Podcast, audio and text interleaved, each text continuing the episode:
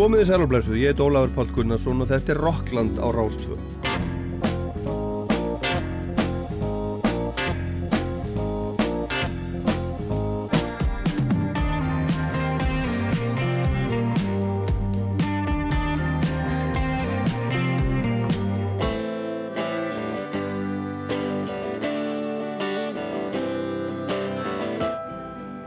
Orgelkvartettin Apparat, Apparat Organ Kvartett eins og hann heitir í útlöndum, er afskaplega skemmtilegt fyrir bari, fjögur orgel, fjórir orgelleikarar og trommari. Og þessi magnaða hljómsett fagnar núna um þessa mundir 20 ára amali fyrstu plötunar sem að heitir eins og hljómsettin Apparat Organ Kvartett. Og liður í hátíðahöldunum eru tónleikar í Tjarnabíói, í Reykjavík núna á miðugudaginn 27. oktober þar mun hljómsvöldi flytja blötuna í helsinni og svo eflust bæti einhverju við.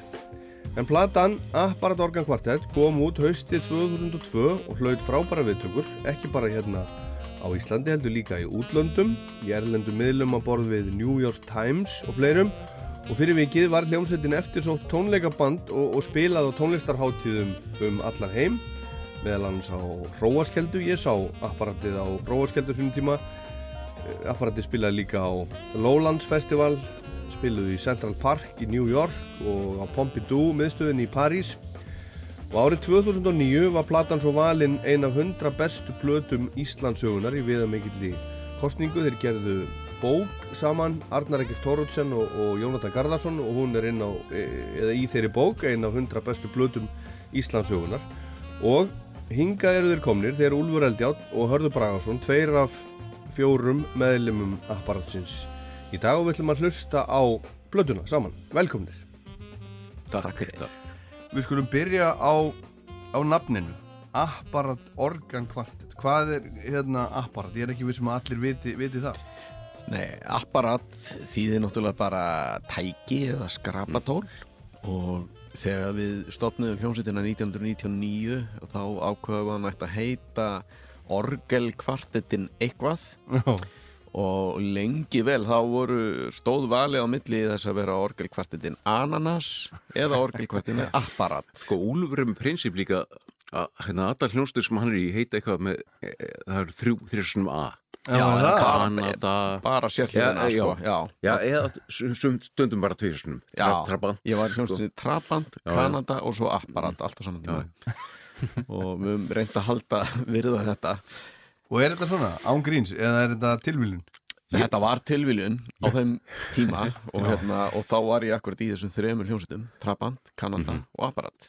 Ég man, sko, ég held við höfum voru búin að ákveða apparat fyrst, sko en þetta er Já. rétt þetta valstóð milli ananas og, og apparat. Já, en, en það að setja organ kvortet fyrir aftan þá var þetta gyrta svona fítna líka. Já, svona eins og modern jazz kvortet sko. Ó, já, akkurat Ananas, mjög veist apparat einhvern veginn betra. Já, Það virkir ekki betur. Hitt er hitt er samt svolítið fyndil. já Við höfum spilað sem ananas Einmitt. Er það? Já. Hvar? Það er nefnilega svona leinilegt liðaverkefni Mhm. Ananas er bara hluti af apparatinu Og hver hérna, eru? eru Það eru við tveir og sigkvattur eða músíkvattur Já, og hérna og vantar þá trommaran og já. Og er það, eh, menna það er þá einhver önnu músík? Já, allt, Já, já. allt öðruvísi það er hérna það er svona mikið spuna verkefni Já.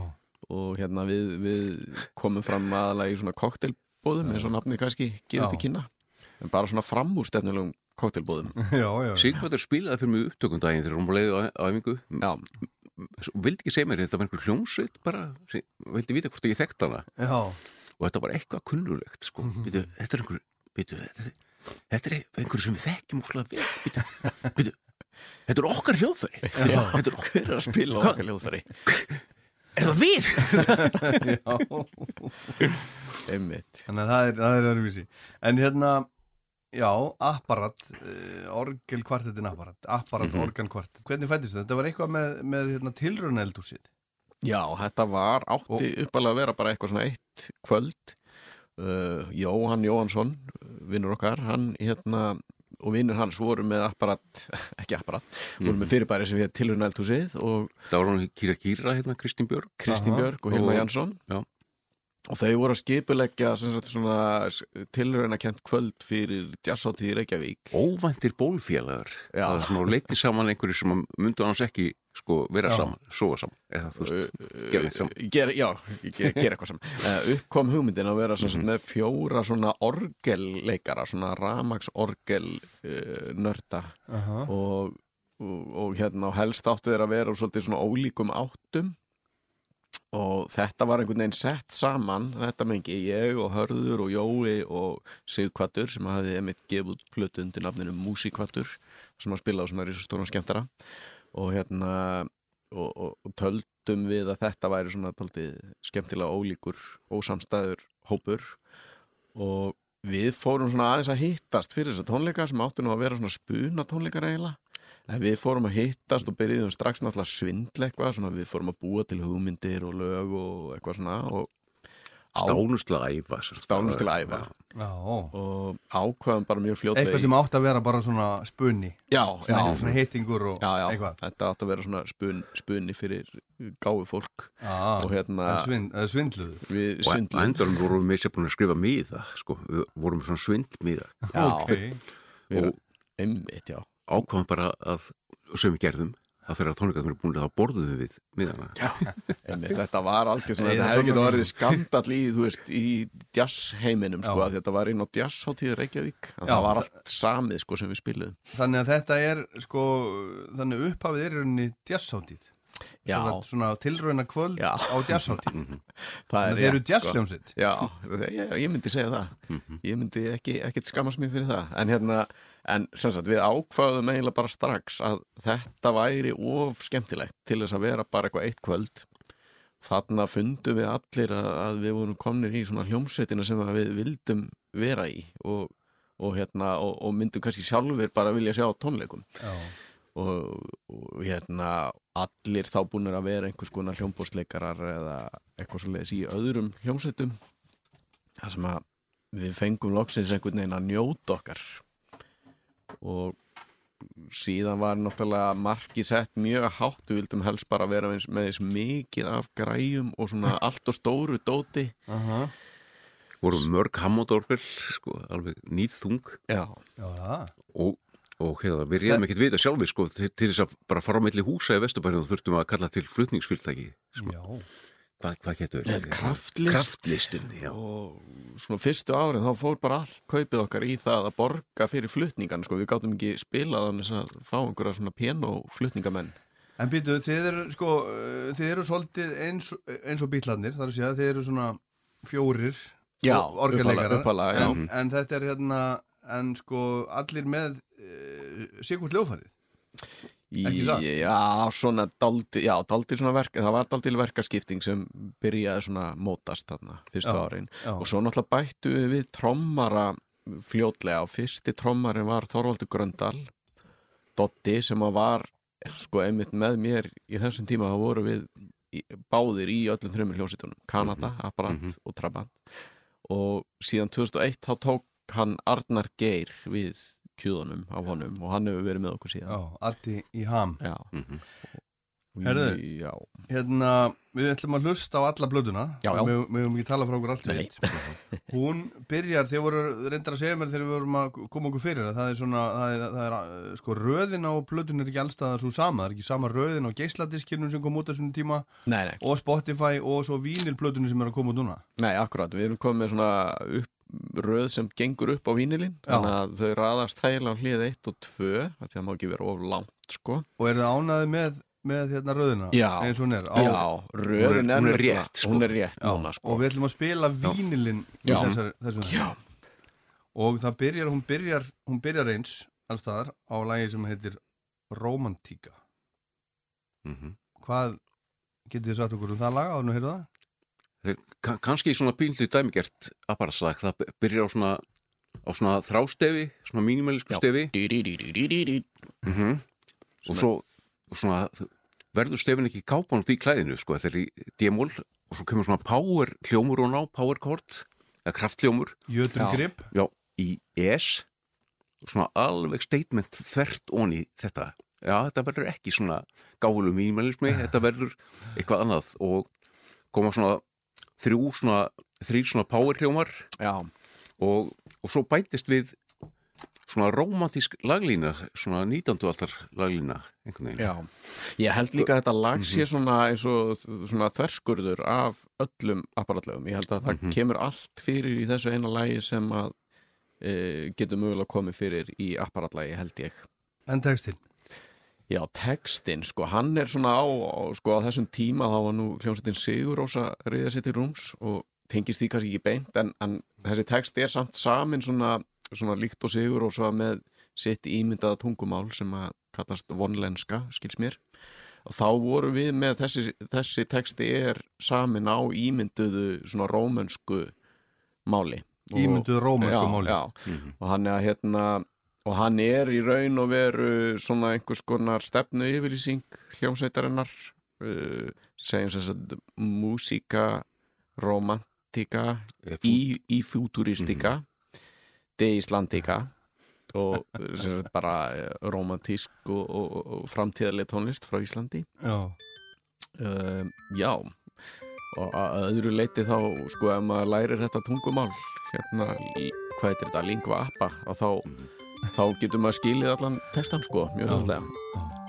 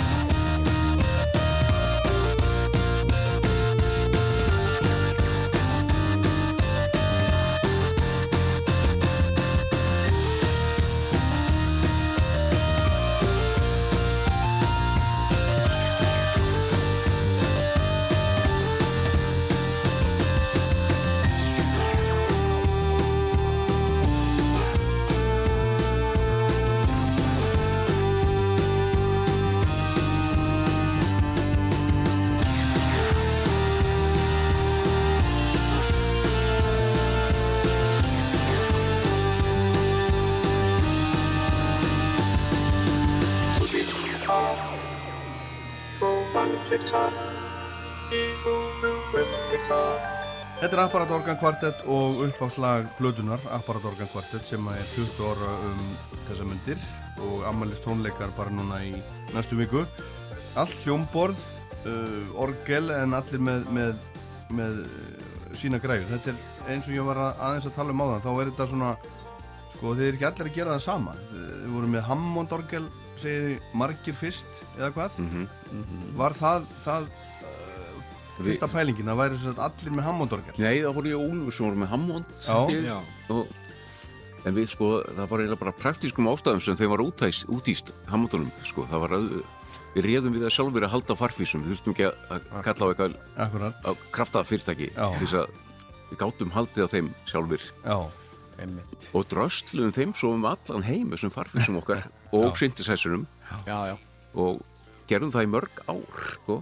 einmitt. Fengum tilnefningu hérna, til íslensku tónlistafærinuna þegar hún búin að gera í nokkur ár sem flýtendur ásins já. og mér ást alveg skammarlegt að við unnum ekki sko. hún er að bera 800 kíló af, af orgelum dröstast með út um allan heim 800 kíló. 800 kíló, Já, já, cirka cirka. Svo man ég eftir að ein, einhvern tímann gerðu við tilhörun til þess að fá lánuð orgel sko og þá þurftu að, það var eitthvað agalegt vesen, ég man að við þurftum að fara að heimsækja einhverjar ömmur í útkværum Parísar til þess að grafa upp einhverjur hérna, einhverja heimiliskemtara sem að lágu þar. Já.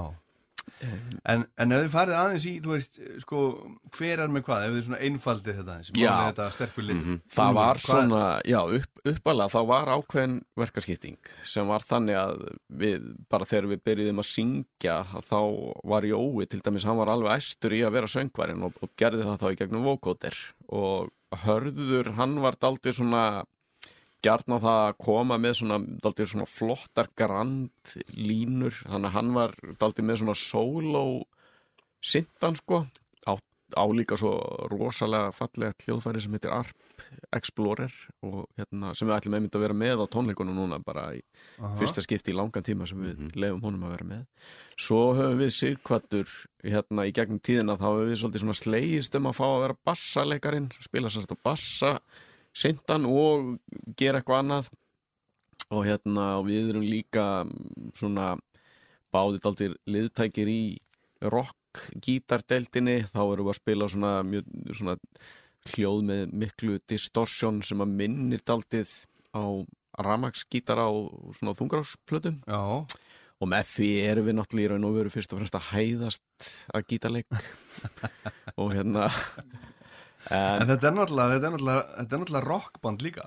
já, já, með þetta- besta rock trommara já, já, landsins. svo erum við með uh, trommaran sko. Já, já. Mas Machine Rock'n'Roll sko, Já, já, er, er nú hann er eh, hérna á einhvern ótrúlegan hátt þá er hann samt sko svona meiri vél heldur en margir trommuheila sko. Hann keirir þetta svolítið Já, áfram. já, og, hann heldur okkur við efni sko, hann passar upp á að við séum ekki hann passar alveg ótrúlega vel inn í þetta. Já. Einhvern veginn rosalega, hérna, hann er alveg bara eins og klukka. Já, hann er eins og klukk og rekur á eftir okkur þetta er svona eins og að vera með hann er aldrei svona eins og hérna hvað heitir það, sko, sá sem stjórnar á þræla galiðinni, sko hann svona lemur okkur áfram. Þrælapískarinn. Já, þræla pískarinn Já, já.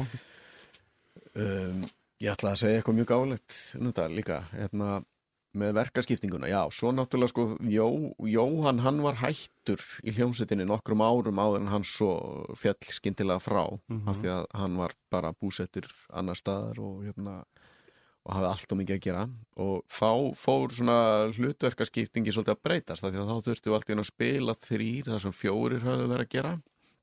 Og þá fórum við að skipta meira á mill okkur þannig að í dag að þá syngjum við allir og svo í ný, nýrri lögum sem hafa orðið til eftir það að þá syngjum við jafnvel sko einhvern keðjusöng og svona, mjög skemmtilegt. Og við Það vókuður kór. Já, ok. og þannig að það, það er svona hlutverkarskiptingin er daldið svona runnin út í sandin Já. í dag. En, en, en hérna, en þú, hörðu, þú ert alltaf með, sem sagt, farfissu, Já, og synda, Já, Og og, og, þið- og, og núna. og vókóder, Já. og þið með, með synda.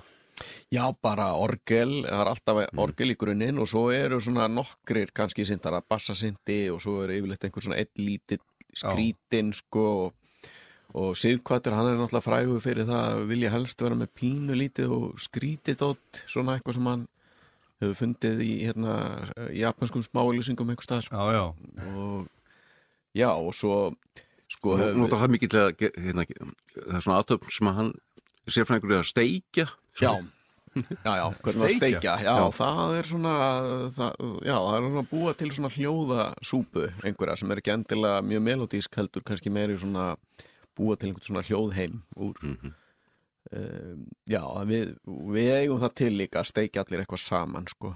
Já, já. En þetta er sko, þetta er mikið, ég man bara þegar ég komið hérna einhvern tíman í stúdíu 12 og þið voru, voru að setja upp, þetta er, þetta er mikið af græjum og margar snúrur. Lendið ekki oft í því að það er bara, það bara kemur ekkert, það er bara eitthvað bilað. Já, heldur betur maður. Ha, sko, Ég meni, er þetta ekki allt svoleiðis, er þetta ekki svona, er þetta ekki... Sérstaklega sko þegar við vorum að þrjóskast við að ferðast um allan heim með eldgömli hljóðfærin okkar. Sko við erum eiginlega hættir að gera það í dag af praktískum ástæðum en ég man að við lendum í einu sinni í París sko að hérna, það kom ekki hljóð úr orgelinu mínu. Og það var klukkutími í gig sko og við vorum bara brennin á tíma og klukkan var að vera sex eða eitthvað, það vorum að spila snemma. Hljóðmaðurinn sem var með okkur Páll Einarsson sem er algjör snillingur sko hann kemur og bílana greinir þetta fattar strax að það vantar pínlítla peru í voljumpetalinn sem ég er með.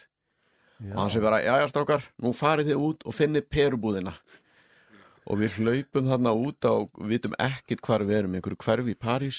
Og bara, þetta er vonlust maður. Og ég bara, þú veist eh, fer inn í einhverja tvær, þrjár búðir sko, þetta er bara, hugsa um allan tíma hvað þetta er fáran, þetta er aldrei að fara að ná þessu. Allt í einu, þá bara gengið fram á stærstu perubúð ljósaperubúð í Evrópu. Það Og við náðum að þessu. Þannig að jú, þetta hefur svo sannarlega sko búið til mjög mikla spennu oft í kringum okkar tónleika og, og, og hérna og er svona einhverju leiti bara ómissandi hlutur sko, ég held að það sé svona Ég hef svona einhvern veginn á tilfinningunni að þetta sé ekki eins og sko ef maður, ef maður svona líkir þessu auka sko að þeir eru ekki með bara einhverja svona tölvu sem þeir setja í samband sem kviknar á heldur er þetta allt svona límt sama með teipi Já, og þetta er svona dint og dót, Já, sko, farfísa er svona, sko, maður þarf svona að bank, banka í, er stundu sparka aðeins í Já. hana, Já, að hægra megin, svona, aðeins. En svo hljómar þetta svona líka dásamlega dásamlega vel. Já, takk fyrir það. Herðu, og næsta lag af uh, á vínilplötunni Já, er hún komin út? Er hún komin, já hún kemur bara í næstu viku. Hún bara kemur til landsins hún verður klár á tónleikunum. Já, við ætlum bara að vera með hana þar í hérna, Já. hún ætti, ætti að ná því. Herðu, stereo rock'n'roll. Þetta er nú, nú rock'n'roll. Þetta er náttúrulega bara eh, svona kannski einfaldasta og heimskulegasta lag sem við höfum samið, held ég, sé óhætt að segja. Uh, en það sem var aðalatriðið við þetta lag sem skila sér náttúrulega ekki alveg á plötunni, það er það að við söndum dans Já, sem er stereo rock'n'roll dansinn. Og pælingin, Já. já, hvað segir Við munum dansa hann á fymtdægin, sko. þið munið gera það. Já, á, á, á, á Mið- miðvikudaginn miðvikudaginn, miðvikudaginn, miðvikudaginn, sko. og, og, en, en þess að þessi dans hann átti að slá svoleiðis í gegn að hann færi sem eldur um sinnu og svona gerði það upp að einhverjum marki en, en ég held Já, það átti að vera í svona dag- makarina dans, sko. Já. Já, þetta var eitthvað svona það átti að vera svona æði, svona ég- dans sem er einfaldur og allir geta dansað Og einfaldur texti, stereo rock, rock roll, sko. einmitt. en nú er bara að sjá sko, af því að nú held ég að landslægi sé að mörgu leiti miklu betri fyrir svona dansa, þú veist, bara með TikTok og öllu þessu og hérna ég hef heyrt að hann sé bara jafnvel orðin, ég, ég er ekki mikið á TikTok sjálfur sko, Nei, Þetta er En ég- kannski bara orðið mjög vinsælt ég hef heyrt það þetta sé jafnvel bara orðin mjög vinsast þar núna Stereo. Stereo. Stereo. Rock and roll, give me rock and roll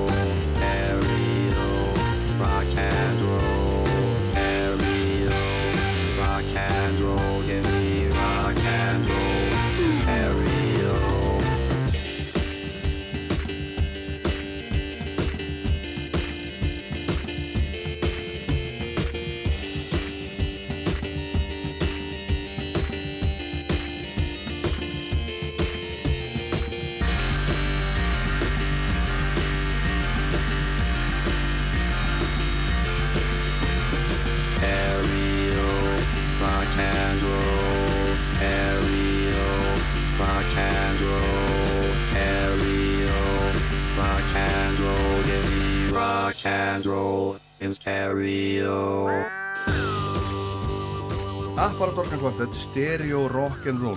Hérna, þið voru að tala um hennar dans. Ég held ég að verður að sé ykkur uh, stíga hennar dans á, á Róaskeldu árið 2001 Já. Getur það ekki verið? Ég hef myndir sem ég tók af ykkur þar upp á sviði. Gott ef þetta var ekki bara daldi kynnt til söguna Ég held það að- það, var eitthvað, það var Já. eitthvað svona eitthvað, þið voru með svona, svona Já, já, já, neða, það Nei, er sko en það þrýrninga, sko við erum náttúrulega með þrýrninga dansa oft sko en svo er annar dans, við komum, við komum að honum síðar sko dans, þrýhenningadansi Já, já, Ok. sko, það kemur setna á þessari umrættu plötu sko þá hérna getum við nú útskýrt hann en, mál Það eru einhverju aðdáður sem eru alveg æstir í svona þess að dansa okkar sko. já, Ok.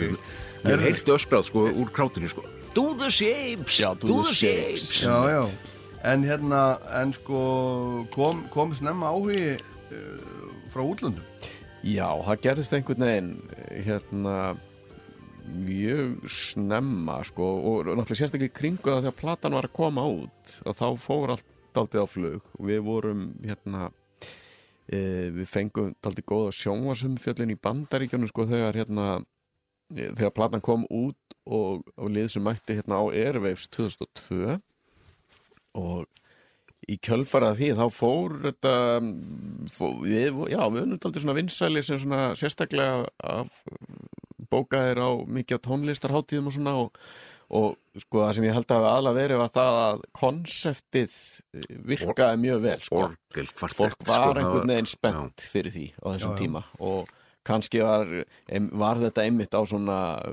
gullöld gítarokksins var Mhm. einhvern veginn svona gítarokki var á niðurleið og fólk vildi fá orgel kvartett En þetta er svona samt, sko, þetta er hérna 2000, þetta er Strokes og Já, White já, Stripes og akkurat. það saman, sko, þannig að það var nú svolítið svona rockbylgja Já, rockbylgja í gangi og, og ég held að En við spilum til þess að hróaskeldu áður en að við vorum að gefa já, blödu já, já, þetta er Já, akkurat já. svona 2000, til 2002 sko, þá erum Hvernig við gerðist það? Þannig að ekki ofta hljómsveitir sem bóka róaskeldu sem er ekki búin að gefa neitt út Nei, sko, ég held að Mhm. í raun og veru höfum við bara haft að því að við vorum búin að gefa út einhverja smáskíu í Þískalandi og við vorum með eitthvað svona smá og ég man ekki alveg lengur sko, hvernig það kom nákvæmlega til en hins vegar sko þegar platan kom út og sérstaklega eftir að við höfum einhvern veginn dottið inn í PBS sjónvarp allara landsmanna í bandaríkjunum þá kom alveg rosalegur áhugi í kjölfærið Mhm. og að hann leiti af sér nokkur mjög svona áhugaverð tilbóð sem við höfum ekkert mikið sagt frá. En eitt af því sem var það að maður að nafni Roy Thomas Baker vildi koma og, og hérna vinna með okkur sem er hérna bara einna stóru pródusendum rocksugunar, maðurinn sem gerði þú veist Bohemian Rhapsody og þegar hann hafði samband þá var ég nýbúin að vera að lesa um hann sko í æfisögum Mötli Krjú Já, og það var alveg fáránlega siðspilt partí sem voru haldin heima hjá honum í hérna sínum tíma. Hann hafði séð okkur í ameríska sjónvarpinu og Ple bara, Plexi fríklar og, og hérna, kók, já, já, Já. og, og, og, og alls konar, konar vittlisa uh, hérna, hann hafði samband við okkur var þá alveg að krepera eftir að hafa verið að reyna að vinna með Axel Rose að hérna, plötinni Chinese Democracy. Og var nýbúin að skila sagt, segja sér frá því verkefni og langaði til að fara að gera eitthvað skemmtilegt og sá okkur í sjónvarpinu og bara mm. flauðinga kom og hitt okkur. Og við uh, bara vorum alveg, þetta var rosalega erfitt fyrir okkur af því að var til í að vinna með okkur en það voru svona hlutir sem stóði í okkur. Og í fyrsta lega vildi hann fá að endur gera þessa plötu bara í heldsinni og í öðru lega var hann ekki til að gefa okkur neinn tímatakmar kannski bara, þú veist, maðurinn sem bjóð til Bohemian Rhapsody, hann hann gerir ekki þannig hann vill bara fá að vinna eins lengi og hann telur sig þurfa. Og þá vorum við búin að vera í tvö ár, þú veist, í stúdíun að gera þessa plötu og okkur langaði bara ekki til að gera hana aftur. Nei, ég skil. Okkur fannst hún vera rétt eins og hún var. Já, hún er bara, hún er frá Já, já, og, og, en, en svona, þetta er eitt af þessum stóru svona efum í okkar, á okkar ferli. Hvað hefði gæst, hefði ekki allavega verið alltaf fyndið fyrir okkur að fara bara út til LA og taka þetta alla leið með svona alvöru hérna hárrock producent Já, en af hverju vildi hann gera þessa plötu aftur? Okkur ekki bara gera aðra plötu? Sko, það var eitthvað svona ég held að hann hafi séð eitthvað í þessu sem hann langaði til að gera öðruvísi. Ég held að það bara verið þannig. Og ég held að hann hafi séð okkur sem svona jaðarband sem hann gæti gert miklu stærra. Já, já. Það var pælingin á honum og hann sá þetta sem svona kannski svolítið svona divo eitthvað sko Já, svona, einmitt. e, svona hans kynnslóð sko en hann ætlaði líka að róða öllu sko, það Já, já, hann- alltaf að vera slýsað við vorum pínur hætti líka sko, maður hafi svona lesið sögur á honum að, að hérna, takja að sér einhverja hljómsveit og fyrsta sem gerist er að bassalekarinn er látin hætta því að Já, hann er ekki já. nóg góður Hvar, hvar hittu það? við, hann kom hinga bara og hitt okkur og, og áttum frábært sko kvöld með honum þar sem hann hérna, reytti af sér ja, bransasögur og, það ekki? og hérna var mjög skemmtilegur Já. mjög skemmtilegur karakter. Svona breti sem að meikaði að sko flutti yfir til Bandaríkjana En fóruð á veitingahúsið Já, einhverjum við fórum á veitingahúsið þrjá frakka. Já, og honum fannst alveg einstaklega gaman að fá að hérna, fá að uh, smakka þar á ýmsum kræsingum eins og kvalkjöti og, og sel sem að sko, mér skilst að hafa nú bara ekkert verið á matselum en nema þetta eina kvöld. Já, já. Og hérna, já, já, og íslensk brennivín og eitthvað svona. Gott að var ekki að prófa það líka. Það var mjög ánægð með þetta allt saman. Já, hann var á leiðin til sko að hitta Brian May held ég hérna í, í London. Já, akkurat. Herðu, næsta lag. The Anguish of Spacetime Hvað er nú, flæk, nú flækist málið Nú, nú, nú. Ef að gera hlje kannski bara. Nei, þetta er náttúrulega aldrei sérstaklega því að þarna njó, erum við brjótu við svolítið reglun og við erum með lifandi söngkonu í læginu og það er hún hérna vinkon okkar Adda Ingolstóðir sem er söng þetta uppalega og hún ætlar að vera með okkur á hún tónleikunum er núna ennþá á lífi og ætlar að syngja það Já. á, miðvikudaginn. Já, og hún er hérna já, hún hefur engu glemt sko, hún hérna syngur þetta mjög fallega Mhm. og daldi gerir þetta lag. Og hvað get ég sagt, þetta lag er náttúrulega alveg skammast sín ekkit fyrir það að vera undir áhrifum frá svona ítalskri hryllingsmyndatónlist. Eins og hérna e, svona hljómsveitin eins og Goblin, við vorum daldið að pæli þeim á þessum tíma. Og titillin er náttúrulega kom náttúrulega frá hérna Jóhanni sem að var ég myndi ekki að þú ætlar vildir fá útskýringu á ángist ángistinni sko, ángist rúmtímans. Rúmtímans.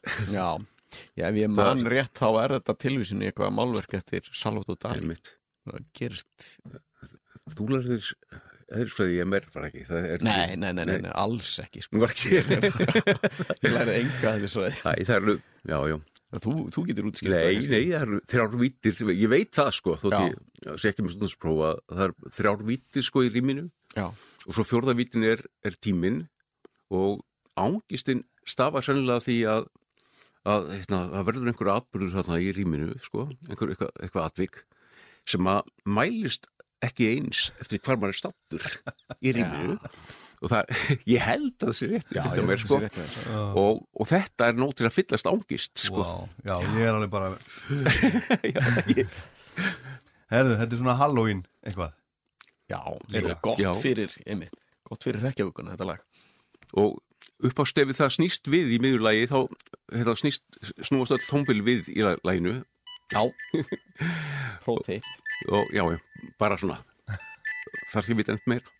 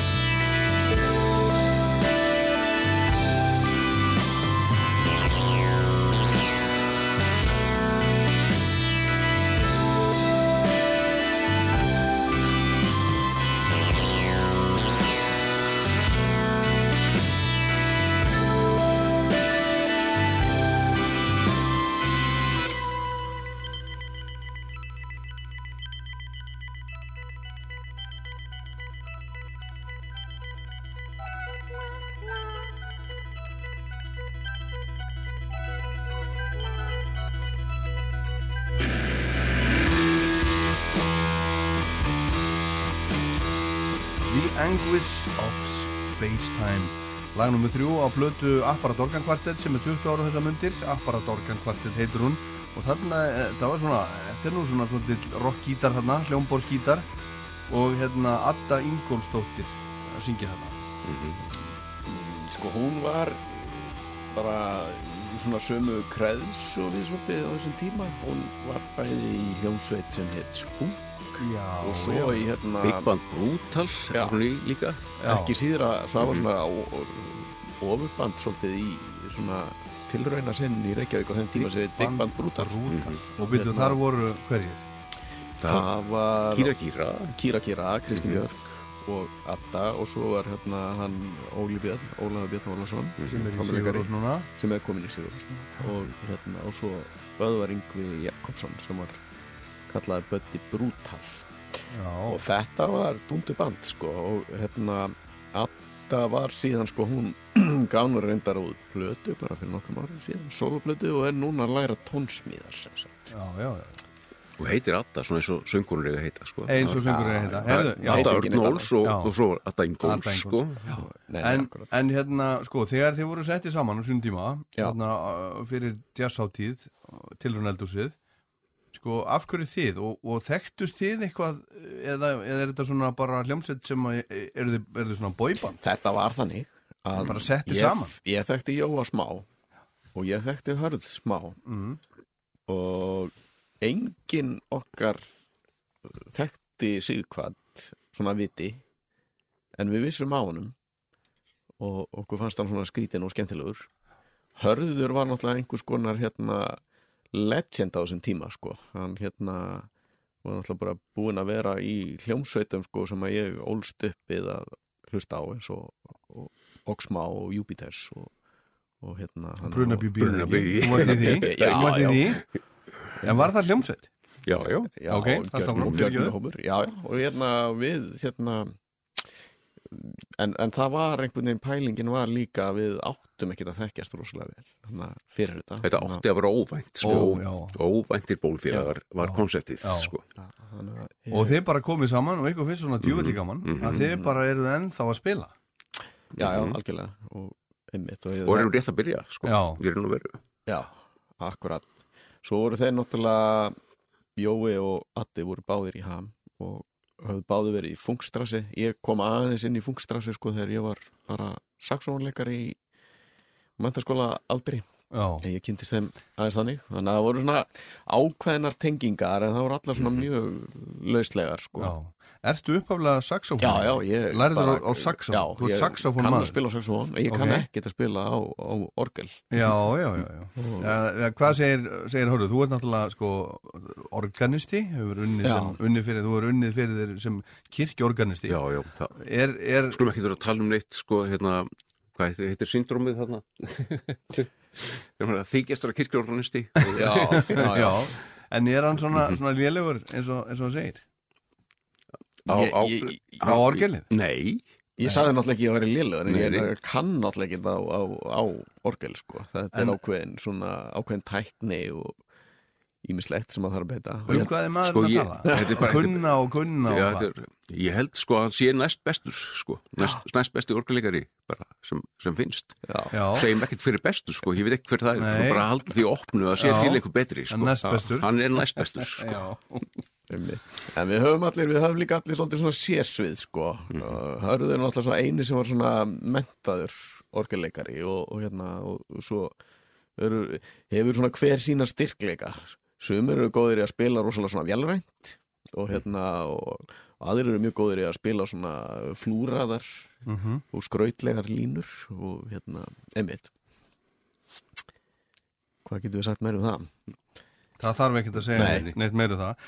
En sko, já, þið... og jú, sindir sér línur með sko djúbri tilfinningu bara, sem Djúpri al- tilfinningu. já, Það er hægt alveg. það er hægt sko. Þessi lí, línur með djúbri tilfinningu. með djúbri tilfinningu Já, en þið voru það, já, þetta verður sem sagt bara svona til, uh, svona, uh, soldið uh, óvart eða óvænt Já, og þið farið að spila saman og þetta vekur aðtiklu og ég man eftir sko sko fyrstu erfumsárin þá voru þið alltaf bara eitt aðal aðdráttar aflið. Já, já, einmitt. Það var, alltaf bara listasafnið tróðfullt hús að hlusta á Mhm. apparat organkvartett.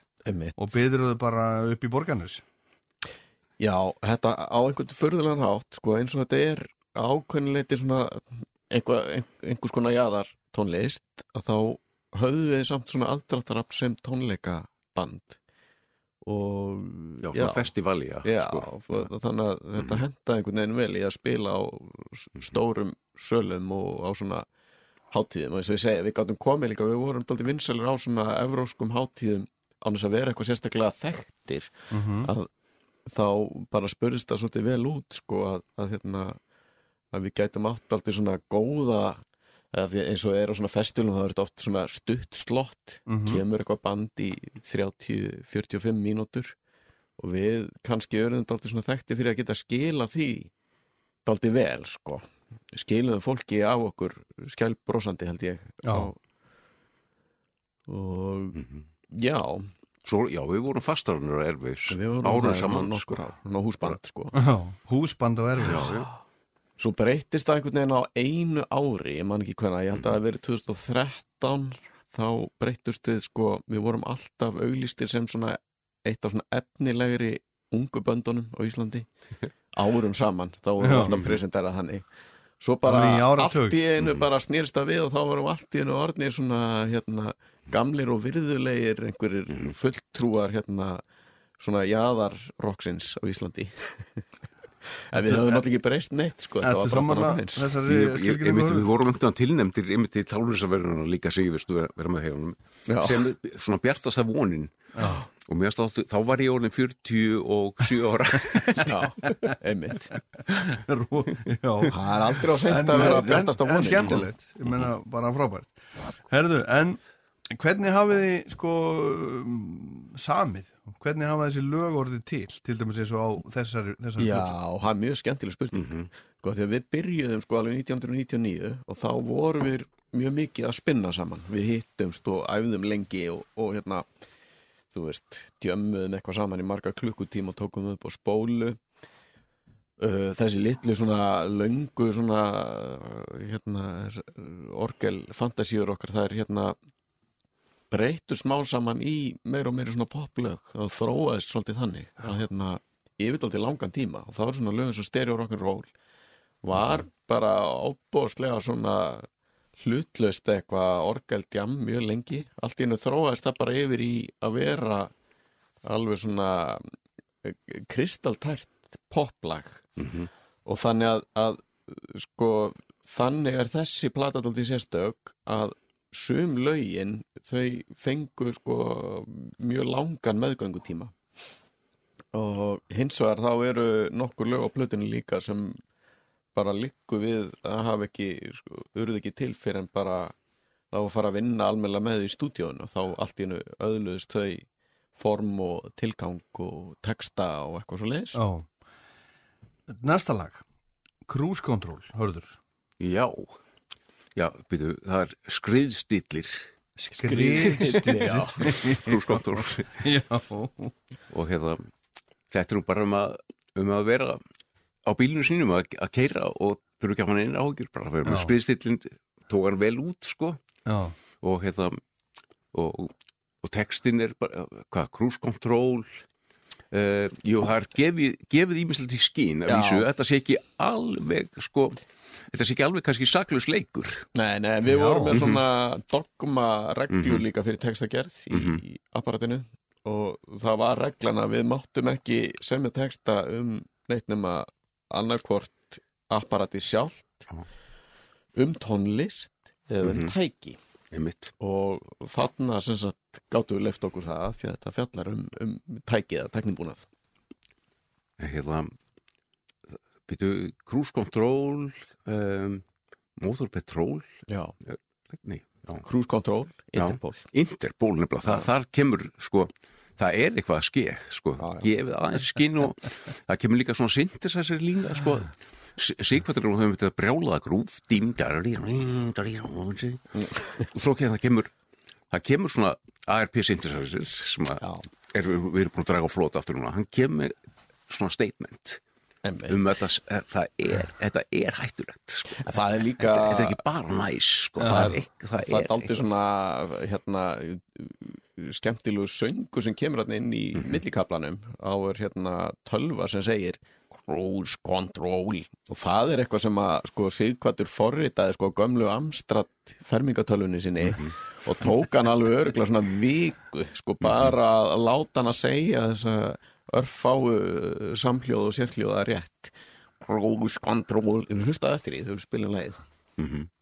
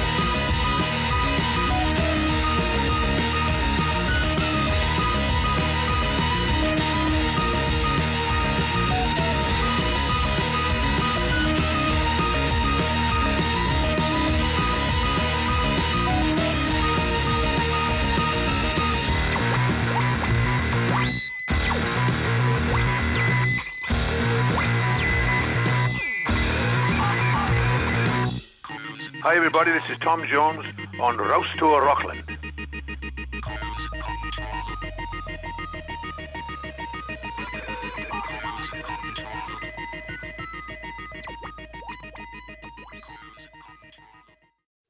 Við erum hljómsveitin Sigurós og Þú ert að hlusta á Rockland á Rás 2 tvö um landa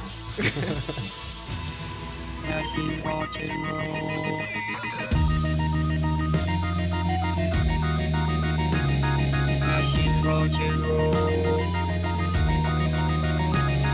内心呼吸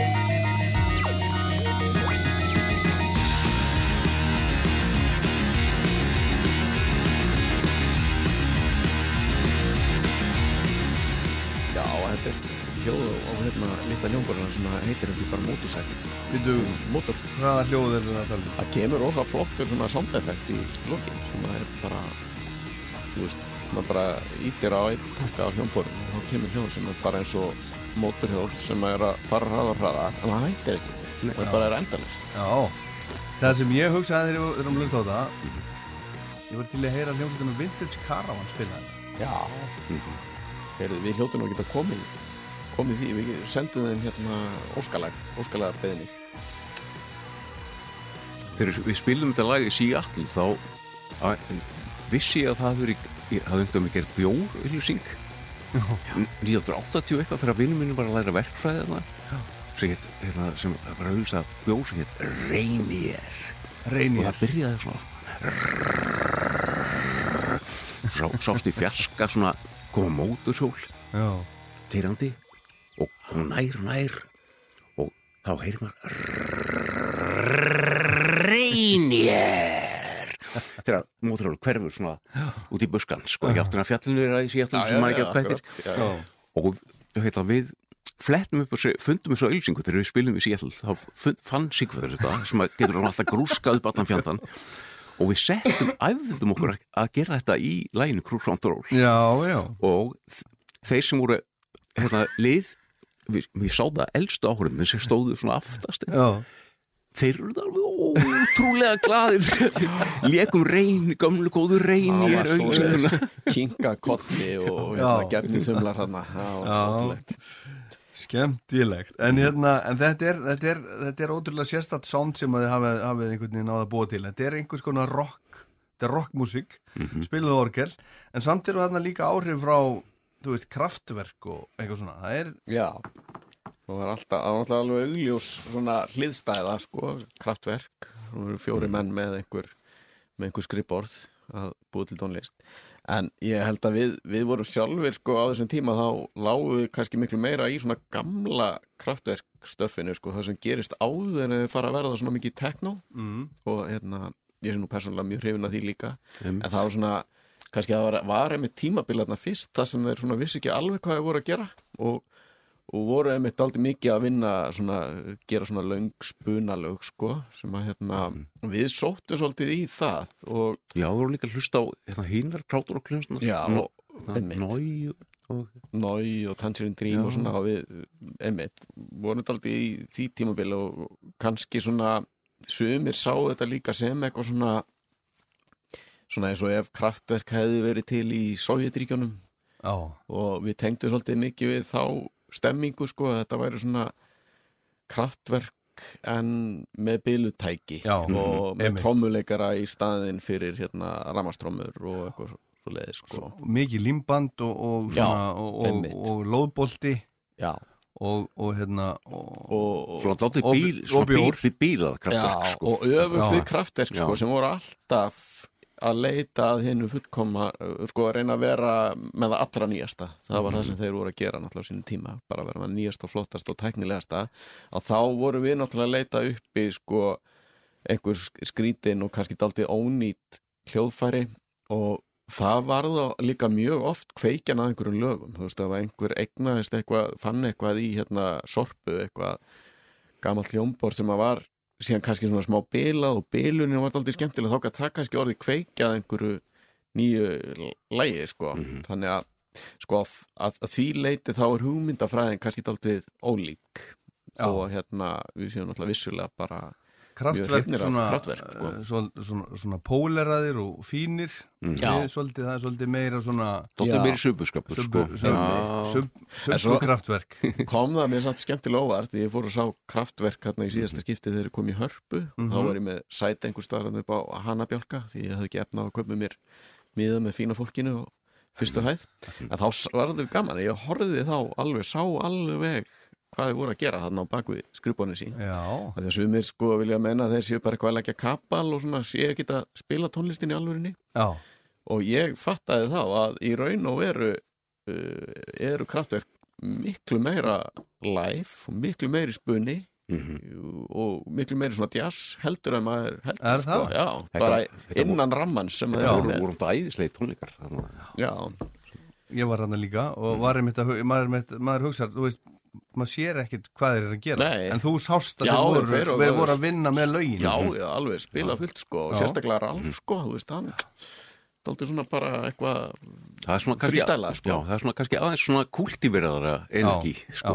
já. já, en, en hérna, en þið í það sammælið með þeim að það er svona uh, vókóter jú, jú En fyrir þá sem ekki þekkja vókótur og ég er engin sérfræðing, sérfræðing, sérfræðingur þar getið þið sagt okkur aðeins frá því, því apparati Já, hvað heitir það? Þetta er rattgreinir á hérna Rattgreinir? Eh, já, ég veit ekki, ég, ég fer að segja eitthvað alveg rosalega langt og vittlust þegar ég reyna að útskýra tæknin á baku þetta en þetta er bara þannig að, að, hérna, að rattgreinirinn, hann tekur við getum talað í mikrofón og hann tekur það hérna hljóð og greinir það niður í ákveðin eh, svona tíðnisvið eða bönd og, og sem að hann breytir í, í hérna rafströym og með þessu móti þá getur þú sett hvaða hljóð sem er í staðin fyrir röddina og þú í raun og veru færð bara svona framburðin þannig að, en sko svo er þetta auðvitað bara að nota í allir í tónlist í dag af því að allt þetta hérna, sem er kallað autotune.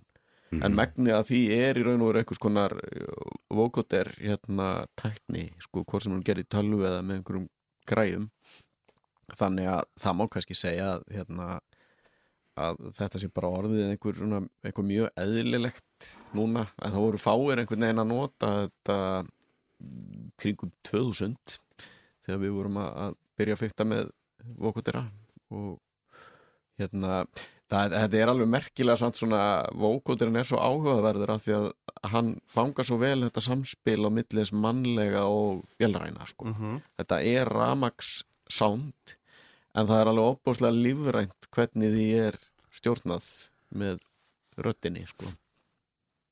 þetta svara hann auðvitað Þetta er, gott, þetta, er, sko. þetta er gott svar Þetta er þú, þú hérna syngur í mikrofónu ítir á hljómborðs hérna, maður þarf nú ekkert að syngja, maður getur bara að tala Já, Já, og, og og, þá stýrir maður já, stýrir maður sem er hljómborðinu. hljómborðið Já. syngur í rauninni Já. fyrir því Þannig að þú, orðin heyrast en þú, þú spilar orðin Mhm. í gegnum hljómborðið. Gott mál Hérna, uh, voruð þið með eitthvað svona sérstætt system í sambandi við textagerð um hvað þið voruð að fjalla og já, Já, já, það er eiginlega það sem Úlfur saði á sko. það er Já. svona smá prinsip sko. Já, tónlist, vélar, og og, hljómsveitin já, já. Sem sagt í raun og veru. Þetta voru bara þessi þrjú yrkisefni sem að voru Þannig að það er ekkert, hérna, uh, love Jú, sko, það er hægt að semja ástalag en það verður þá að vera um vél eða um það er það tónlist að heyrðu um eftir sko, okkur síðasta, sjálfa. síðasta Já. leið á, plötunni er vögguvísa fyrir víl sko. akkurat, akkurat Hérna, næsta lag, það er eh, síðasta lagið á alliðinni, Ondula Nova Já, mm hvað, um, um hvað er það? Er það um vél? Eða- þetta er nefnilega um vél Já. og Já. þetta er akkurat það sem við erum að tala um þetta er ástar uh, óður til tækis sem hörður átti nú og gekk undir nafninu Nýbilgjan og ég veit ekki það hverju þetta var kallað nýbyggja þetta var svona lítið svona jama leikfang. Sem ég var með í myndlist og handi þegar hún eitthvað stúdíu og þar var hún að taka upp. Og ég held að það var Óskar, það verið Óskar Jónasson sem að, sem að var allir statturinn í upptökullimannum og, og var að eitthvað að íta á þetta og kom ekki hljóðum Hvað, heyrist, heyrist hérna, þetta sem ég er að gera hérna, heyrist nýbylgjan hérna? Þá fannst hún mér að þetta koma svona nýbylgju hljóður og þetta, hérna, það fekk hann nafni Lí- nýbylgjan og, og svo hefða, mætti ég með þetta þegar, í apparatið og, og þetta heyrist nú heyrist í henni víða sko á, á plötunni og, og Ondur Nóa er náttúrulega bara er latína og því nýbylgja sko. Já. við veitum ekki náttúrulega bossa Nóa sko Nei. en Nei, nýbylgja Ondur Nóa og svo er textin sem við fengum svona hjálp við sko. Já, já, við þurftum að fá latínumann til þess að hjálpa okkur með textan sko. Er latínu um, um ást okkar á, á þessu litla litla kvikindi? Nýbylgjunni. Þetta er svo fallegt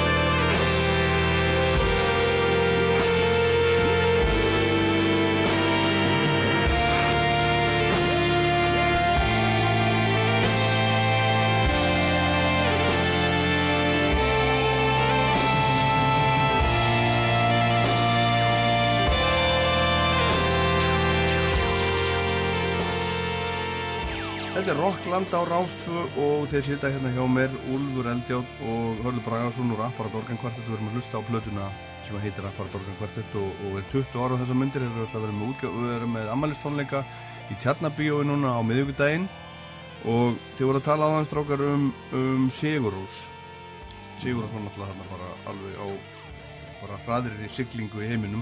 Svolítið Sigurúsar áhrif kannski í þessu lægi, getur það verið?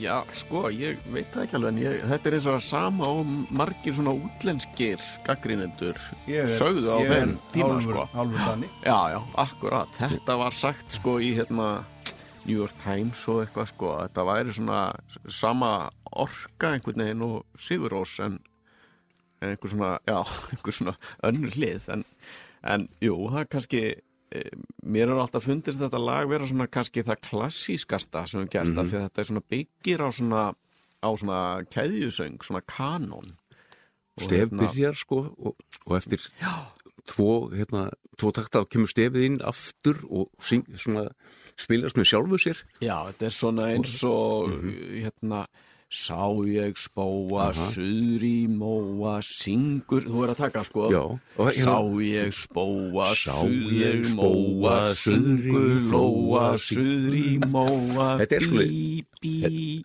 Já, og þetta eru, þrjá, eru þrjáráttir sem kom, eh, kemur samráttin, kemur aftur. Og, og það verður, einhver, verður svona hljómbrúsu og svo gerist, svo kemur svona uppbrot það sem er sungin, sungið um nýbylgjuna. Já. lítla hljómborðið okkur og svo hérna uh, hérna fer fara hérna tæki sem við áttum Já. stílófónar að syngja hérna gerist laglinu í, í þrýjunda röddun við akkurat. við upphæðlegu línuna. Þrýjund, sem er, svo- er ekki, hvað skal ég segja það, Morrissey semdi öll lögum með Jú, jú, þrýjund. akkurat, ef fólk veit ekki hvað þrýnd er, þá bara hlusta á Morrissey og hérna öll hans lög eru samin, syngur alltaf þrýjundina, öll lög. Söng, söng hérna tóndæmi að því að þú varst að syngja til að sí- syngja fyrir okkur. Já, já, já. Uh, ég, sko, ok, það er aldrei erfitt sko annars að vera með hljóðfæri til þess að spila undir sko, en hérna, ég komin á hálan í sérna, en sem sagt um, langaði til að bæta við með stílofónin af því að við vorum að tala svo mikið um rattgreini eða vókutir á þann, stílofónin það er hljóðfæri sem að er eh, það sem þú notar ekki puttana til að spila heldur svona lítinn penna þannig að það er Já. daldið eins og þú sérst að skrifa og þá koma tónar út úr því. Og það heyrist vel í hérna, sérstaklega í lokin á þessu lægi að þá heyrist, heyrist mjög vel í stílofónunum og við gerðum síðan sko sem er alveg áutgefið en við gerðum hérna sér verk sko sem að var sami fyrir fjóra stílofóna Stílófóni, já. stílofónja og hérna og þetta, já. Við höfum spilað, við spilum það í Belgíu. Já, við höfum spilað stundum á tónleikum og hérna, en jú, svo kom það reyndar út á við höfum tilruna eldhúsins, það er til einu upptakaði á netinu, það er hægt að fletta því upp, sko. Já, Um, en gott ef það er ekki líka koma út, nei, hérna Amstrad tölvuna síðkvæð, það er ekki líka þarna, það heyrir svona í lokin, það er svona tölva sem er að rugglast, sem er að spila og rugglast svolítið og svona bræður úr sér, það er held ég Amstradin, Amstradin. Kom ég mér ekki ágætlega undan því að reyna að syngja hérna, jú, jú, þetta var bara, þetta var bara, þetta var bara mjög, mjög gott hérna, hvernig gefur maður lögum nafn? Er það, er það svona humorist samvinnuverkefni? Sko, við oft farið þá leið, sko, að, að búa fyrst í nöfnin. Já, við- Og svo lagið. Þegar vorum duglegastir við að fer, dug, sem, duglegastir að, að ferðast, Já, þá þurftum við að hanga á flugstöðum Já. og, við vorum með svona, það, það var sem við gerðum þar var að búa til nöfn á lögum. eigum ennþá alveg byrðir á nöfnum Já, og, já. á lögum sem við höfum eftir að semja. Við vorum alltaf með svona sérstakka bók sem að, og ef við lentum við því að þurfa að býða mikið á flugvöllum sérstaklega, þá settustu gæna niður bara með kaffibotla og byrjuðum að skrifa niður nöfn og lögum og þá er held ég bara ennþá langu listi af lögum sem við höfum eftir að semja og það hefur verið alltaf drifkrafturinn í að semja lög sko. Og já, Við- Já, já. Við eigum sem stóðum sletta af lögum og samin. En það var það, það verður að viðkennast að sko fyrsta lægið á 2 sem að við komum vonandi bráðum að sko, Global Capital. Global Capital, Já, það verður er- að viðkennast að, að það lag hétt ekki Global Capital og lengi vel heldur hétt allt annað. Hétt Hét- hét Reyf Reif í í Arpin Ha, Reyjar Reyf í Arpin og þá var þetta átt að vera svona þetta átt að vera svona reif reiflag held að, ég. Að því, já. Það var spilað á arp, arpsinsasinn Já, þannig að það var svona reif, reif lína sem að hérna má ennþá heyra í læginu en svo hins vegar kom titillinn og, og texti þessa lags kom til okkar þegar við vorum hérna stættir í Rússlandi. Í Pétursborg. Að spila? Já, þá urðum við fyrir einhver, einhvers konar vitrun að, hérna, að við komum staði að við þessir ólíku hérna, meðlimir hljómsveitarina við svona vorum allir tákmyndir ákveðin að stjætta í þjóðfélaginu. við vorum búin að vera með svona við vorum búin að koma okkur upp svona dresscode sko. Já. og ég held sko að ég, það, ég sveik lit sko. Ég komst ekki heim á hótel til að fara í fínu fötum. Og mætti og var bara einhverju köflóttur vinnuskirtu Já. og þú veist eins, eins og í núna. ég upp, já, ég upplýði mikla vanþóknun sko, og ég var að reyna að bjarga mér. Við vorum þarna stattir í þessu fyrir kommunstaríki og í Pétursborg þar sem Lenin var og ég reyndi að bjarga mér með að segja að ég væri fulltrúi. Ég væri fulltrúi hinn að vinnandi stjett og þá rann bara upp ljós fyrir, fyrir Úlur fattaði hvað hann var fulltrúi hverja hann Já, byrju, sem er Ég er sko aristokrasja. yfir stjett, yfir stjettin sko. Yfir stjettin. Já, Ég var, ég var nú um þessa myndir þá var ég svona að pröfa mig áfram með að vera með yfirvarskekk og, Já, og var í svona flaugilisjakka. Já, Einmitt. og Jói var, var hérna var gáumennir sko, intelligensían já, sem að, já, já, enda á- á allt með bók í hönd og, Mhm. hérna, og, og, og, og, og hérna laði mikið upp úr því að eiga gáfulega samræði við svona gáfumenni við að vera já. Og Sigkvættur hann uh, reyndist vera skriffinnin Vi, við af hverju það gerist? En það verður sko það verður hérna, svona veginn ræst á hann af því að hann hefur tekið að sér alla svona Já, já. svona vinnu fyrir hljómsveinu hann, hann er með fjármálin og Já, já. bókaldið og, Já, já, og allt. Er með þetta alveg upp á Já. tíu sko. hann, hérna, hann er skipulaðastur af okkur, held ég. Já. og, En- og en svo, kom, svo þegar Addi kom inn sko, þá þurfti hann að vera einhver stjætt Já, já, og þá er auglust, hann er úr Kópói sko, úr, úr punk, punkinu í Kópói þannig að hann er sko bara útkverfa lífurinn, Suburbia Suburbia og hérna, það eru myndir á okkur sko á, á blöðumslæginu Já. málar af Markusi Andrisinni það sem Já. erum svona pleimokallar Akkurat erum, erum fulltrúa stjættana Já, Já, er það komið strax saman? já, það, já, það, og þess vegna er þannig er ég með skóplu sko, proletarian verkalýðurinn eh, Sigfattur búrokrasian skrifinurinn með blíjant og, og yttara og stimpil já, já. held ég þú fyrir frá að spegin með vindil og í svona einhver svona hérna, fínu flögili Já, já. og Jói fyrir frá mann háskólan ég Jói með blíjantin Já, þetta er inn í umslæginu Já, Ég er að horfa á hérna framlið er en sko Addi, fulltrúi útkverfa lýsins sko hann er með elspýtu, lúandi elspýtu og er að fara að kveikja í ösku. Ég ætlaði sko að fara að segja fólki að, að endilega fara og kaupa vínilplötun í næstu viku og svo getið skoða þessa myndi Já. en núna er hörður samt eiginlega búin að segja frá öllu sem er á myndunum. Það þarf ekkert að gera Það er óþarfi. Ekki, Herðu- ekki vera að kaupa hennar vín. Nei, heyrum hérna Global Capital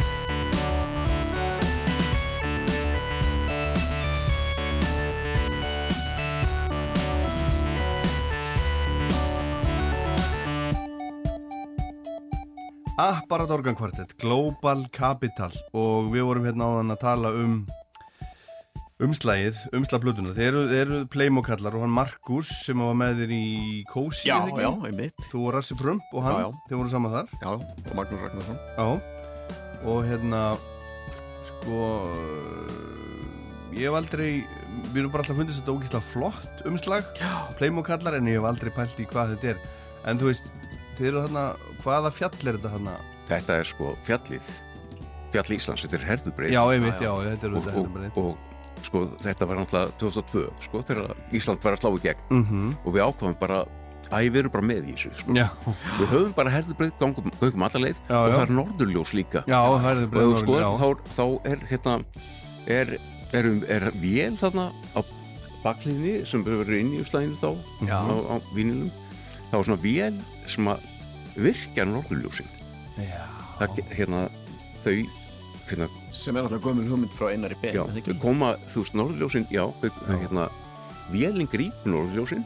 Þau, hérna, það sést alveg og koma leiðslu úr vélinni til okkar þar sem við standum og þið haldið á, á ljósum á ljósaperum sem eru sko, já, já, já. Það er raforkan úr norðurljósinu. En hvað, en hvað sko, sko sömur vilja minna það að um leið og hugmynd er komin fram þá, þá er hitt bara svona úrvinnslu atriði bara Mm. hvað það tekur langan tíma að búa það til. Já. Haldið að það sé hægt að virkja norður norðljósin e, Af því að nú viljum við virkja allt. Já, ég held Virkjum það, seljum allt. Það er hægt held ég, en það er ekki áhættu laust Nei, Ég held að það, það sé bara lífsættulegt en ég held að svona fræðilega sé, sé það hægt. Heldur að geti klárast kannski líka? Já, já, það getur verið. En þetta er, hérna, ég samanlega því þetta er, er hérna, frábær, sko, myndirnar eru algjörlega frábærar eftir hann Markus og þetta, sko, var svona hugmynd sem hann var að vinna með uppalega, hann hafði gert tölvist af málverkum sem eru svona hefðbundin oljumálverk á strega, alveg opbúslega flott handbragað á því og það sem hann var að mála alltaf pleimokalla og þannig að í raun og veru þegar við báðum hann um að gera þessa, eh, þessi listaverk fyrir umslægið að þá vorum við að beðja um að hann myndi gera sína útgáfu af okkur, sagt, mála okkur sem pleimokalla. Þetta var ekki sko hugmyndin með pleimokallana kom ekki frá okkur þannig sko. En eh, það við séum fullur á stjættan það, Já. það er úti og síðan bara túlkaði hann einhvern veginn svo vel sko fangaði þetta mjög og, og það er eitt af því skemmtilega við einmitt að hérna þó að hörðu nú búin að lýsa þessu smáatrið þá er eitt af því skemmtilega við að fá loksins vínilinn. Að þetta var alltaf bara svona pínulítið geisladisk. Aha. svo kemur þetta á Spotify þá er þetta orðið einhverja ennþá minna Já. frímerki. En núna loksins sko fær hérna fá myndirnar aðeins að njóta sín. Já, listaverk. Já.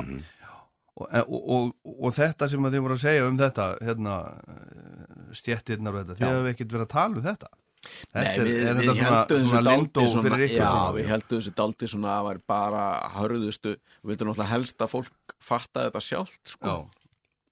og hérna Æ, það má kjafta núna nú. Já, erum við svona, já, 20 já, já, held að þessu hæfi Næsta lag, skellum okkur strax í það, Ceremonia já, Mhm. þetta er nú ekki flóki lag af því að þetta, þarna erum við komið texta sem að er sjálfhverfur fjalla bara um okkur sjálfa og textin er einfaldlega alfa, party, party alfa, radio alfa, tango sem að er e, Það er dansinn, Barat það, það sá ég Já, Alfa party þar party komið- alfa, Róaskemmtu. alfa, Einmitt. Þar var einhver svona dans. Einmitt. Og þarna vildi við gera alveg ljóst hvað hefur Þið eru dansljómsveit. va- vakað fyrir okkur. Já, já, við erum náttúrulega líka bara sko, Dansandi hljómsveit sko, skömmuðust okkar ekki fyrir það að vilja vera vinsælir. Þannig að sömdu við bara lag sem fjallar um okkur sjálfa og með dans sem gengur út af það að stafa nafnið okkar apparat og Þetta er, er á svona hérna radioamatúra Þetta er svona Já. hérna, kerfi, kerfi radioamatúra já, er já, þetta eru svona Þá- leini, leini Já. stafróf stafróra þá hérna, hefur hver bókstafur hann hefur nafn sko eða e, fyrir kannski að segja sögur radioamatúra en, Nei, en það, þeir að miklu uppátt eftir hjá okkur og hafa, við gerðum mér sér verk með eða, það kemur við sögu í næsta lagi já, sko líka. já, já, En að, hérna, en til þess að A er alfa til, þess að sé og svo, um, hérna, radioamatúra stafrófið er alfa eh, bravo og eitthvað leys svo þurftum við að stafa apparat. Og við, en við kunnum ekki vorum ekki alveg vissi þannig við við giskuðum á að, að, að P væri party. Ég held þess að það sé ekki rétt í okkur. Þannig að kemur alfa, party, party, alfa og svo R, það ja, það lítur radio.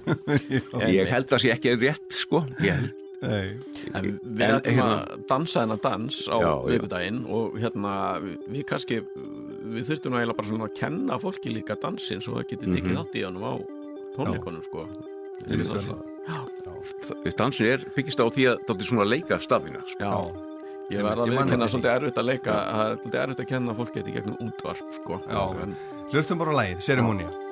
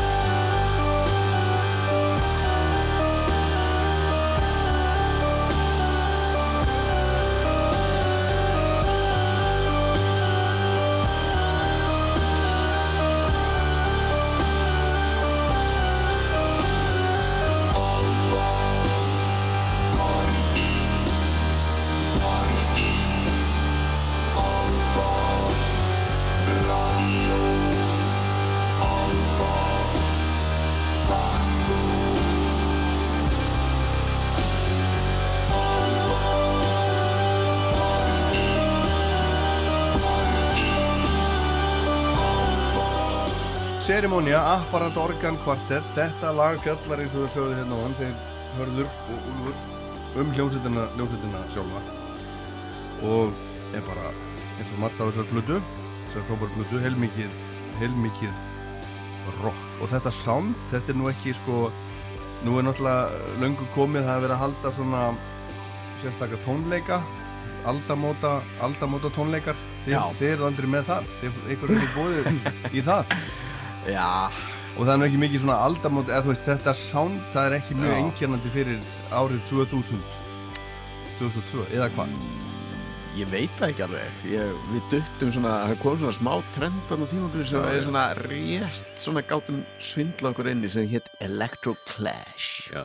og það var svona það er mjög útlenskt. fólk, já það var rosa brest já, ég man að það var einhver hérna, það var einhver maður sem að ætlaði að vera umbóðsmaðurinn okkar í Breitlandi, hann taldi að við gætum átt þarna inni daldinn áhörönda hóp Electro fólki sem var Class. hlusta á Electro Clash Og það var svona, svona hljómsveitir eins og hérna hvað, Ladytron og, Mm. og kannski setna þarna LCD Sound System kannski kemur svolítið út úr því.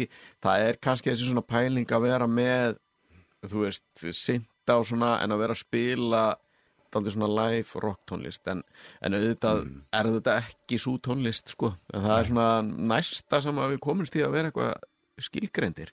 Einmitt. Svo gerðu Daft Punk reyndar plötu sem er rosalega vanmetin sem heitir Human After All. Þar fara þetta alltaf svipaða leið af því að þeir voru alltaf að reyna að gera eitthvað nýtt á hverju plötu og þeirri plötu þá ákvaða þeir að held ég að nota ekkert nema að það væri svona handspilað eða gert í alvörunni. einmitt allt analóg. Al analóg og ekki, ekki forritað. Mhm. og það er kannski svona einnkjörn á okkar tónlist að við höfum aldrei verið með hérna, eiginlega ekki við höfum aldrei verið svona með neitt sequencer eða þannig, þú veist, Nei. tökum við upp í tölvu. Já, en og þetta er allt saman, þetta er handspilað allt Já, saman. þetta er þetta er bara live rock'n'roll já, já, og ég held að það sé kannski líka galdurinn á milli okkar, sko, það er það sem gerir þetta skemmtilegt fyrir okkur er að, að við neyðust kannski semjum lag en svo neyðist til þess að handspila það á tónleikum. Og þá fer maður að útsetja það öðruvísi heldur en ef maður er bara að dunda sér eitthvað í tölvunni heima þar sem er engar takmarkanir. Já. og síðan var þetta nú aldrei flókið ferli með plötuna sko að við tókum upp grunnana alla sko við byrjuðum um Vestlunumanna helgina 2001 og vorum við þarna nýri í Thule Studios og sem var, var svona eitt að, var alveg stúdíó sko, við vorum með risastóra mixer og svona sem skipti miklu máli. Þegar, og hérna, og við tókum upp alla grunna plötunni svona meir og minna live en vorum síðan alveg í bara marga, marga mánuði þá vorum við að taka upp overdub og í það bæta og breyta. Og svo þegar að koma að því loks að fara hljóðblanda plötuna þá vorum við konum með sko hlutis allt og mikið af öllu. Þá var bara enda lausar á sér af einhverjum uh, skrítnum hljóðum og eitthvað og þá þurftum við að leita á náðir mann sem við hittum nú bara hérna fram með áðan á göngum ríkisútarsins með er hann Viðar Hákon Gíslason. Og það er bara að segjast eins og er að, að hans aðkoma þessari plötu skiptið aldrei miklu máli því að hann uh, satt uppi með vandamáli og þurfa að koma sko hundrað rásum af orgelum til skila á, á tíðnisviði manns er hans og hafa fullt af sko skemmtilegum svona pælingu sem hann komið inn á svona mix stíinu og hún er aldrei merkilega því leiti að hann, hann ákvaða að það væri best að hljóðblandan allir í bútum. Já, í staðan fyrir að búa til eitt sound á lagið að þá tók hann svona hvert kapla, kannski öll versin í einu lagi bjóð til það sem honum fannst vera gott sound fyrir þá kapla og svo var það allt bara svona sem maður kallar að prenta það var sem sagt ekki hægt að breyta því. Og þá byrjaði hann á næsta kapla sem var kannski viðlagið og, og þannig að tók þetta svona kapla fyrir kapla og þetta er alltaf svona áhugavert fyrir hljóðnördana þarna úti að hlusta á þessu plötu með það fyrir augum að, að hérna fyrir eirum. fyrir eirum, fyrir eirum að, hérna, að, að, að það er ákveðin svona kaplaskipting sem maður heyrir ef maður veit af þessu sko. Þetta er rosalegur nörda nördismi þetta þetta. En, en, hérna, en hann sér að mixaði plötuna. Já, miksaði plötuna og og hún tókst til þess að hljóðblanda lagið Charlie Tango, er það ekki, Jú, hvort það er næsta lag, er næsta sko, lag. sem er rosalega mikið á svona djúpu tínisviðu, hefði allt geta runnið saman, raunveru, hún tókst einhvern veginn að blanda þetta þannig, þetta mér- skýla sér allt, sko. Einmitt, mér finnst hann líka að hafa átt aldrei þátt í því að gera hljómin á henni einstakann að uh, þetta svona uh, eins og heyrðis kannski vel í þessu lagi til dæmis að þá tók hann mjög oft svona djarfar ákvarðinu með að leifa ákveðinu hljóm, hljóðum að vera jafnvel svona óþægilega há í mixinu Það er alltaf lítið gert af því, finnst mér, í dag. Já, það er, er svona sko, þetta er, þetta er svona ákveðinlega aldrei meira lifandi Já, þetta er, þetta, er, þetta er ekki svona skynnsemis mix, Nei. bara, Er, er sko, ég, ég er mikill áhuga maður um þetta. Þetta er Já. sko, þegar menn voru að mixa lög í gamla daga, þá var það bara gert meðan lægi var að spilast Já, einhvern veginn og það þurfti að vera margar hendur á Þú veist, margir með í því og það Já. verður einhvern veginn alltaf öðruvísi. Nú er þetta allt eitthvað svo, eitthvað svo útpælt og spekulerað að það er einmitt svona,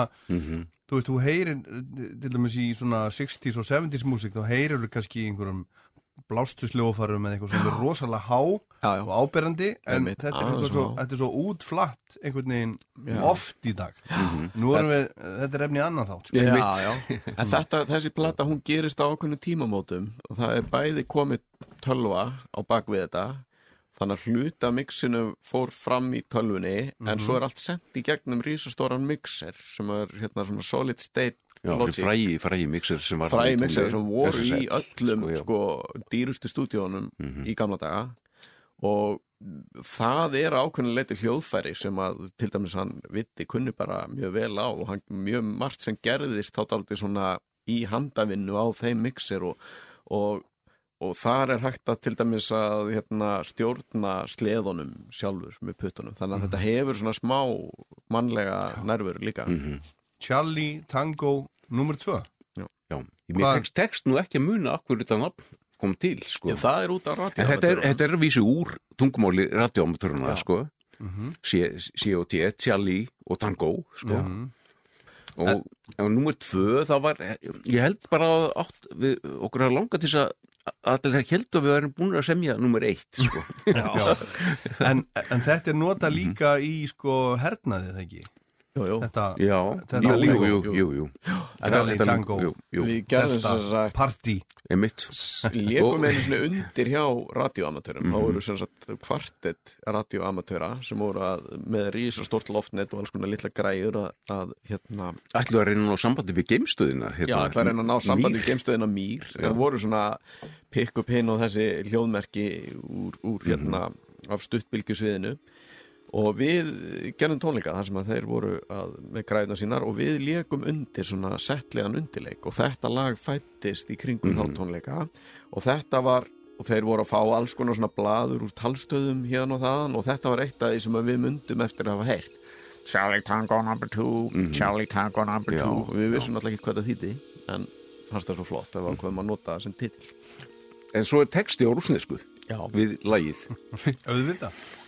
og, og það, hann er ekki á, á svona radioamatöra tungmáli heldur bara hérna sungir á rúsnesku og hann er um, um Viktor Troy sem að var náttúrulega hérna uh, söngvari hljómsveit Söngvari Kino, hljómsveit Kino, já. sem var svona underground hljómsveit sem að var í ónáðinni hjá stjórnöldum í Kreml á Mhm. nýjönda áratugum og einhvers konar svona Viktor Tsoi, Naski Rói þýði bara Viktor Tsoi hetja nokkar þetta var svona vinsælt veggjakrutt í Pétursborg eftir hann dó held ég. Og þetta er orðið skemmtilega svona viðegandi aftur í daga því að Viktor Tsoi var einhvers konar undirheima hetja. Einmitt, Og- A- andófsmaður sko.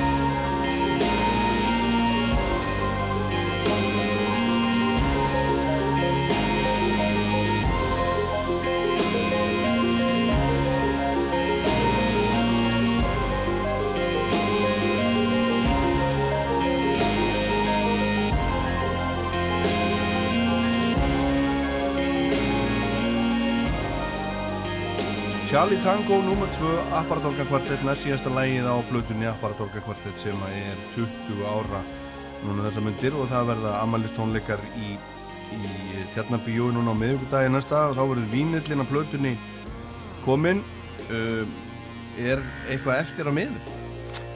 E, Í þessum tölu orðum er ennþá til miðar á fyrir tónleikana klukkan 6 Já, þetta eru, tvenni tónleikar klukkan 6 og klukkan 9 Við bættum við tónleikana fyrir um daginn af því að það er nú bara orðið uppselt á setjum tónleikana Já. fyrir löngu síðan en, en í þessum tölu orðum er ennþá til þeir á, á þess að sem eru kljóðan sagt á miðvikudaginn En hvað ætlið þið að gera svo? Ætlið þið að, spila eitthvað meira? Er, er ný músík að vera til?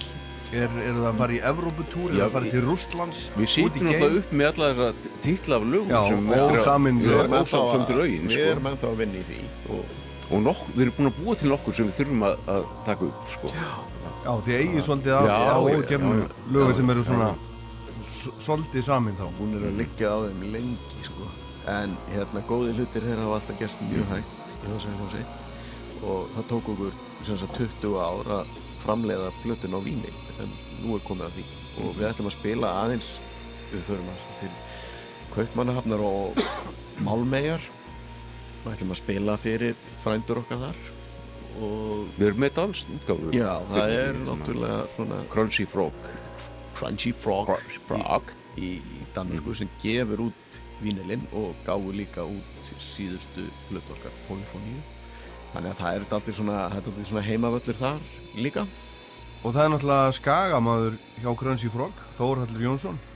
já, já. Hann er, hann er líka maður. Er, er það hann sem að svona kom ykkur þar inn eða, eða? E, nei, það var reyndar ekki þannig. Þetta var nú bara uppalega held ég að verið hann Jói sem að kynntist þessum drengjum af því að þeir Jón Jónsson? Já, Jón Jónsson, af því að hann bjó í Danmörkum tíma og, og þeir deildu húsnæði sko, hann var Einmitt. með vinnustofu á sama stað.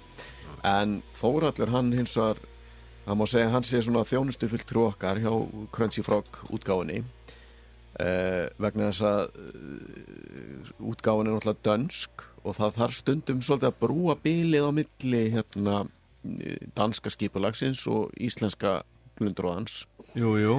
Þannig að þegar að uh, við viljum gera eitthvað í næstu viku en þeir vilja gera það í viku 52 að Já, þá er. Þórhallur svona mjög góður í að miðla málum þannig á milli Já, næra því, það var einmitt hérna, ég var einmitt að horfa bara nýlega á, á uppustandi hans bróðins á, Já. á hérna, Netflix. Já, einmitt Það er hann að tala um þetta. Hérna, já. en, en sko í raun og veru er þetta alveg fullkomið fyrir okkur að, að vera með danska útgáfu af því að þeir eru einmitt þeir eru svona skipulegir en kunna samt að vera skemmtilegir og hérna Crunchy Frog sko þeir eru til dæmis mjög duglegir við að halda upp á ammæli sitt Já, halda alveg reglulega einhverja svona ammælisviðbörið og það eru svo vel skipulegar og skemmtilegar hátíðir hjá þeim sko, það sem er búið að nostra svo leiðis við útfæsluna, það er búið Já, að já. kannski að brugga einhvern bjór í mörg ár fyrir eitthvað ammæli já, og já, panta einhvern ákveðin mat og það er Já, svona við hefum lært margt af þeim Mm. sko, þeir eru ekki svo vittlusir, frændur okkar þannig Nei, er þeir, þeir kunna að halda veislu sko. Já, já, og svo er náttúrulega hörður er náttúrulega alltalandi á dönsku af því að hann hérna las andrisblöðin á dönsku. áður að byrja að þýða þau áður fara íslenska Þannig að þegar við spilum fyrir Dani þá er það yfirleitt hörður sem sér um að kynna lögin og spjalla við áhörundur og svona milli laga. Já.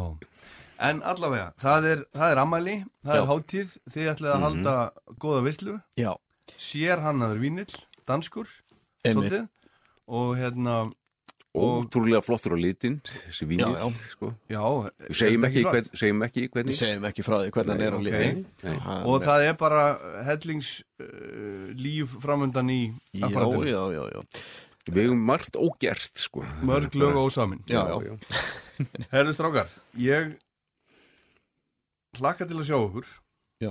á miðvikudaginn já, já, sumleiðis sömulegis og hérna þakka ykkur kjærlega fyrir að sita hérna með mér og okkur í dag.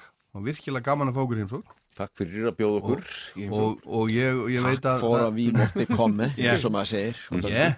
og hérna bara býðið spendur eins og margir er eftir, eftir nýri músík. Og ef að þú myndir kannski enda þetta hörður á, á, á, á dönsku og kannski síða hérna, kannski kynna loka lægi þá á, á dönsku. I- På, på min andelsblad i dansk, Anders Ahen, øh, øh, det sidste nummer på, på, på bladen, som øh, man kan nu kø- købe på, på vinyl, er et, øh, et nummer, som he- hedder øh, Sov nu, lille maskin på dansk.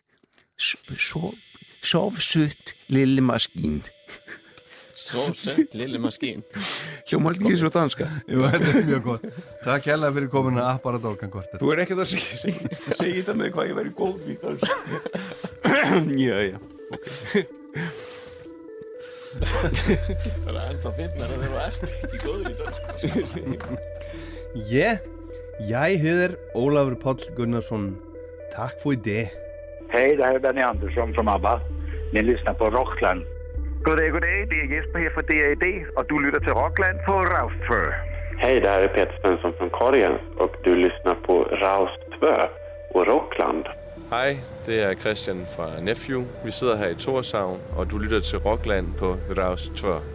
Hallo, jeg heter Sigrid, og du hører på Rockland på Rad 2. Einmitt, takk fyrir að hlusta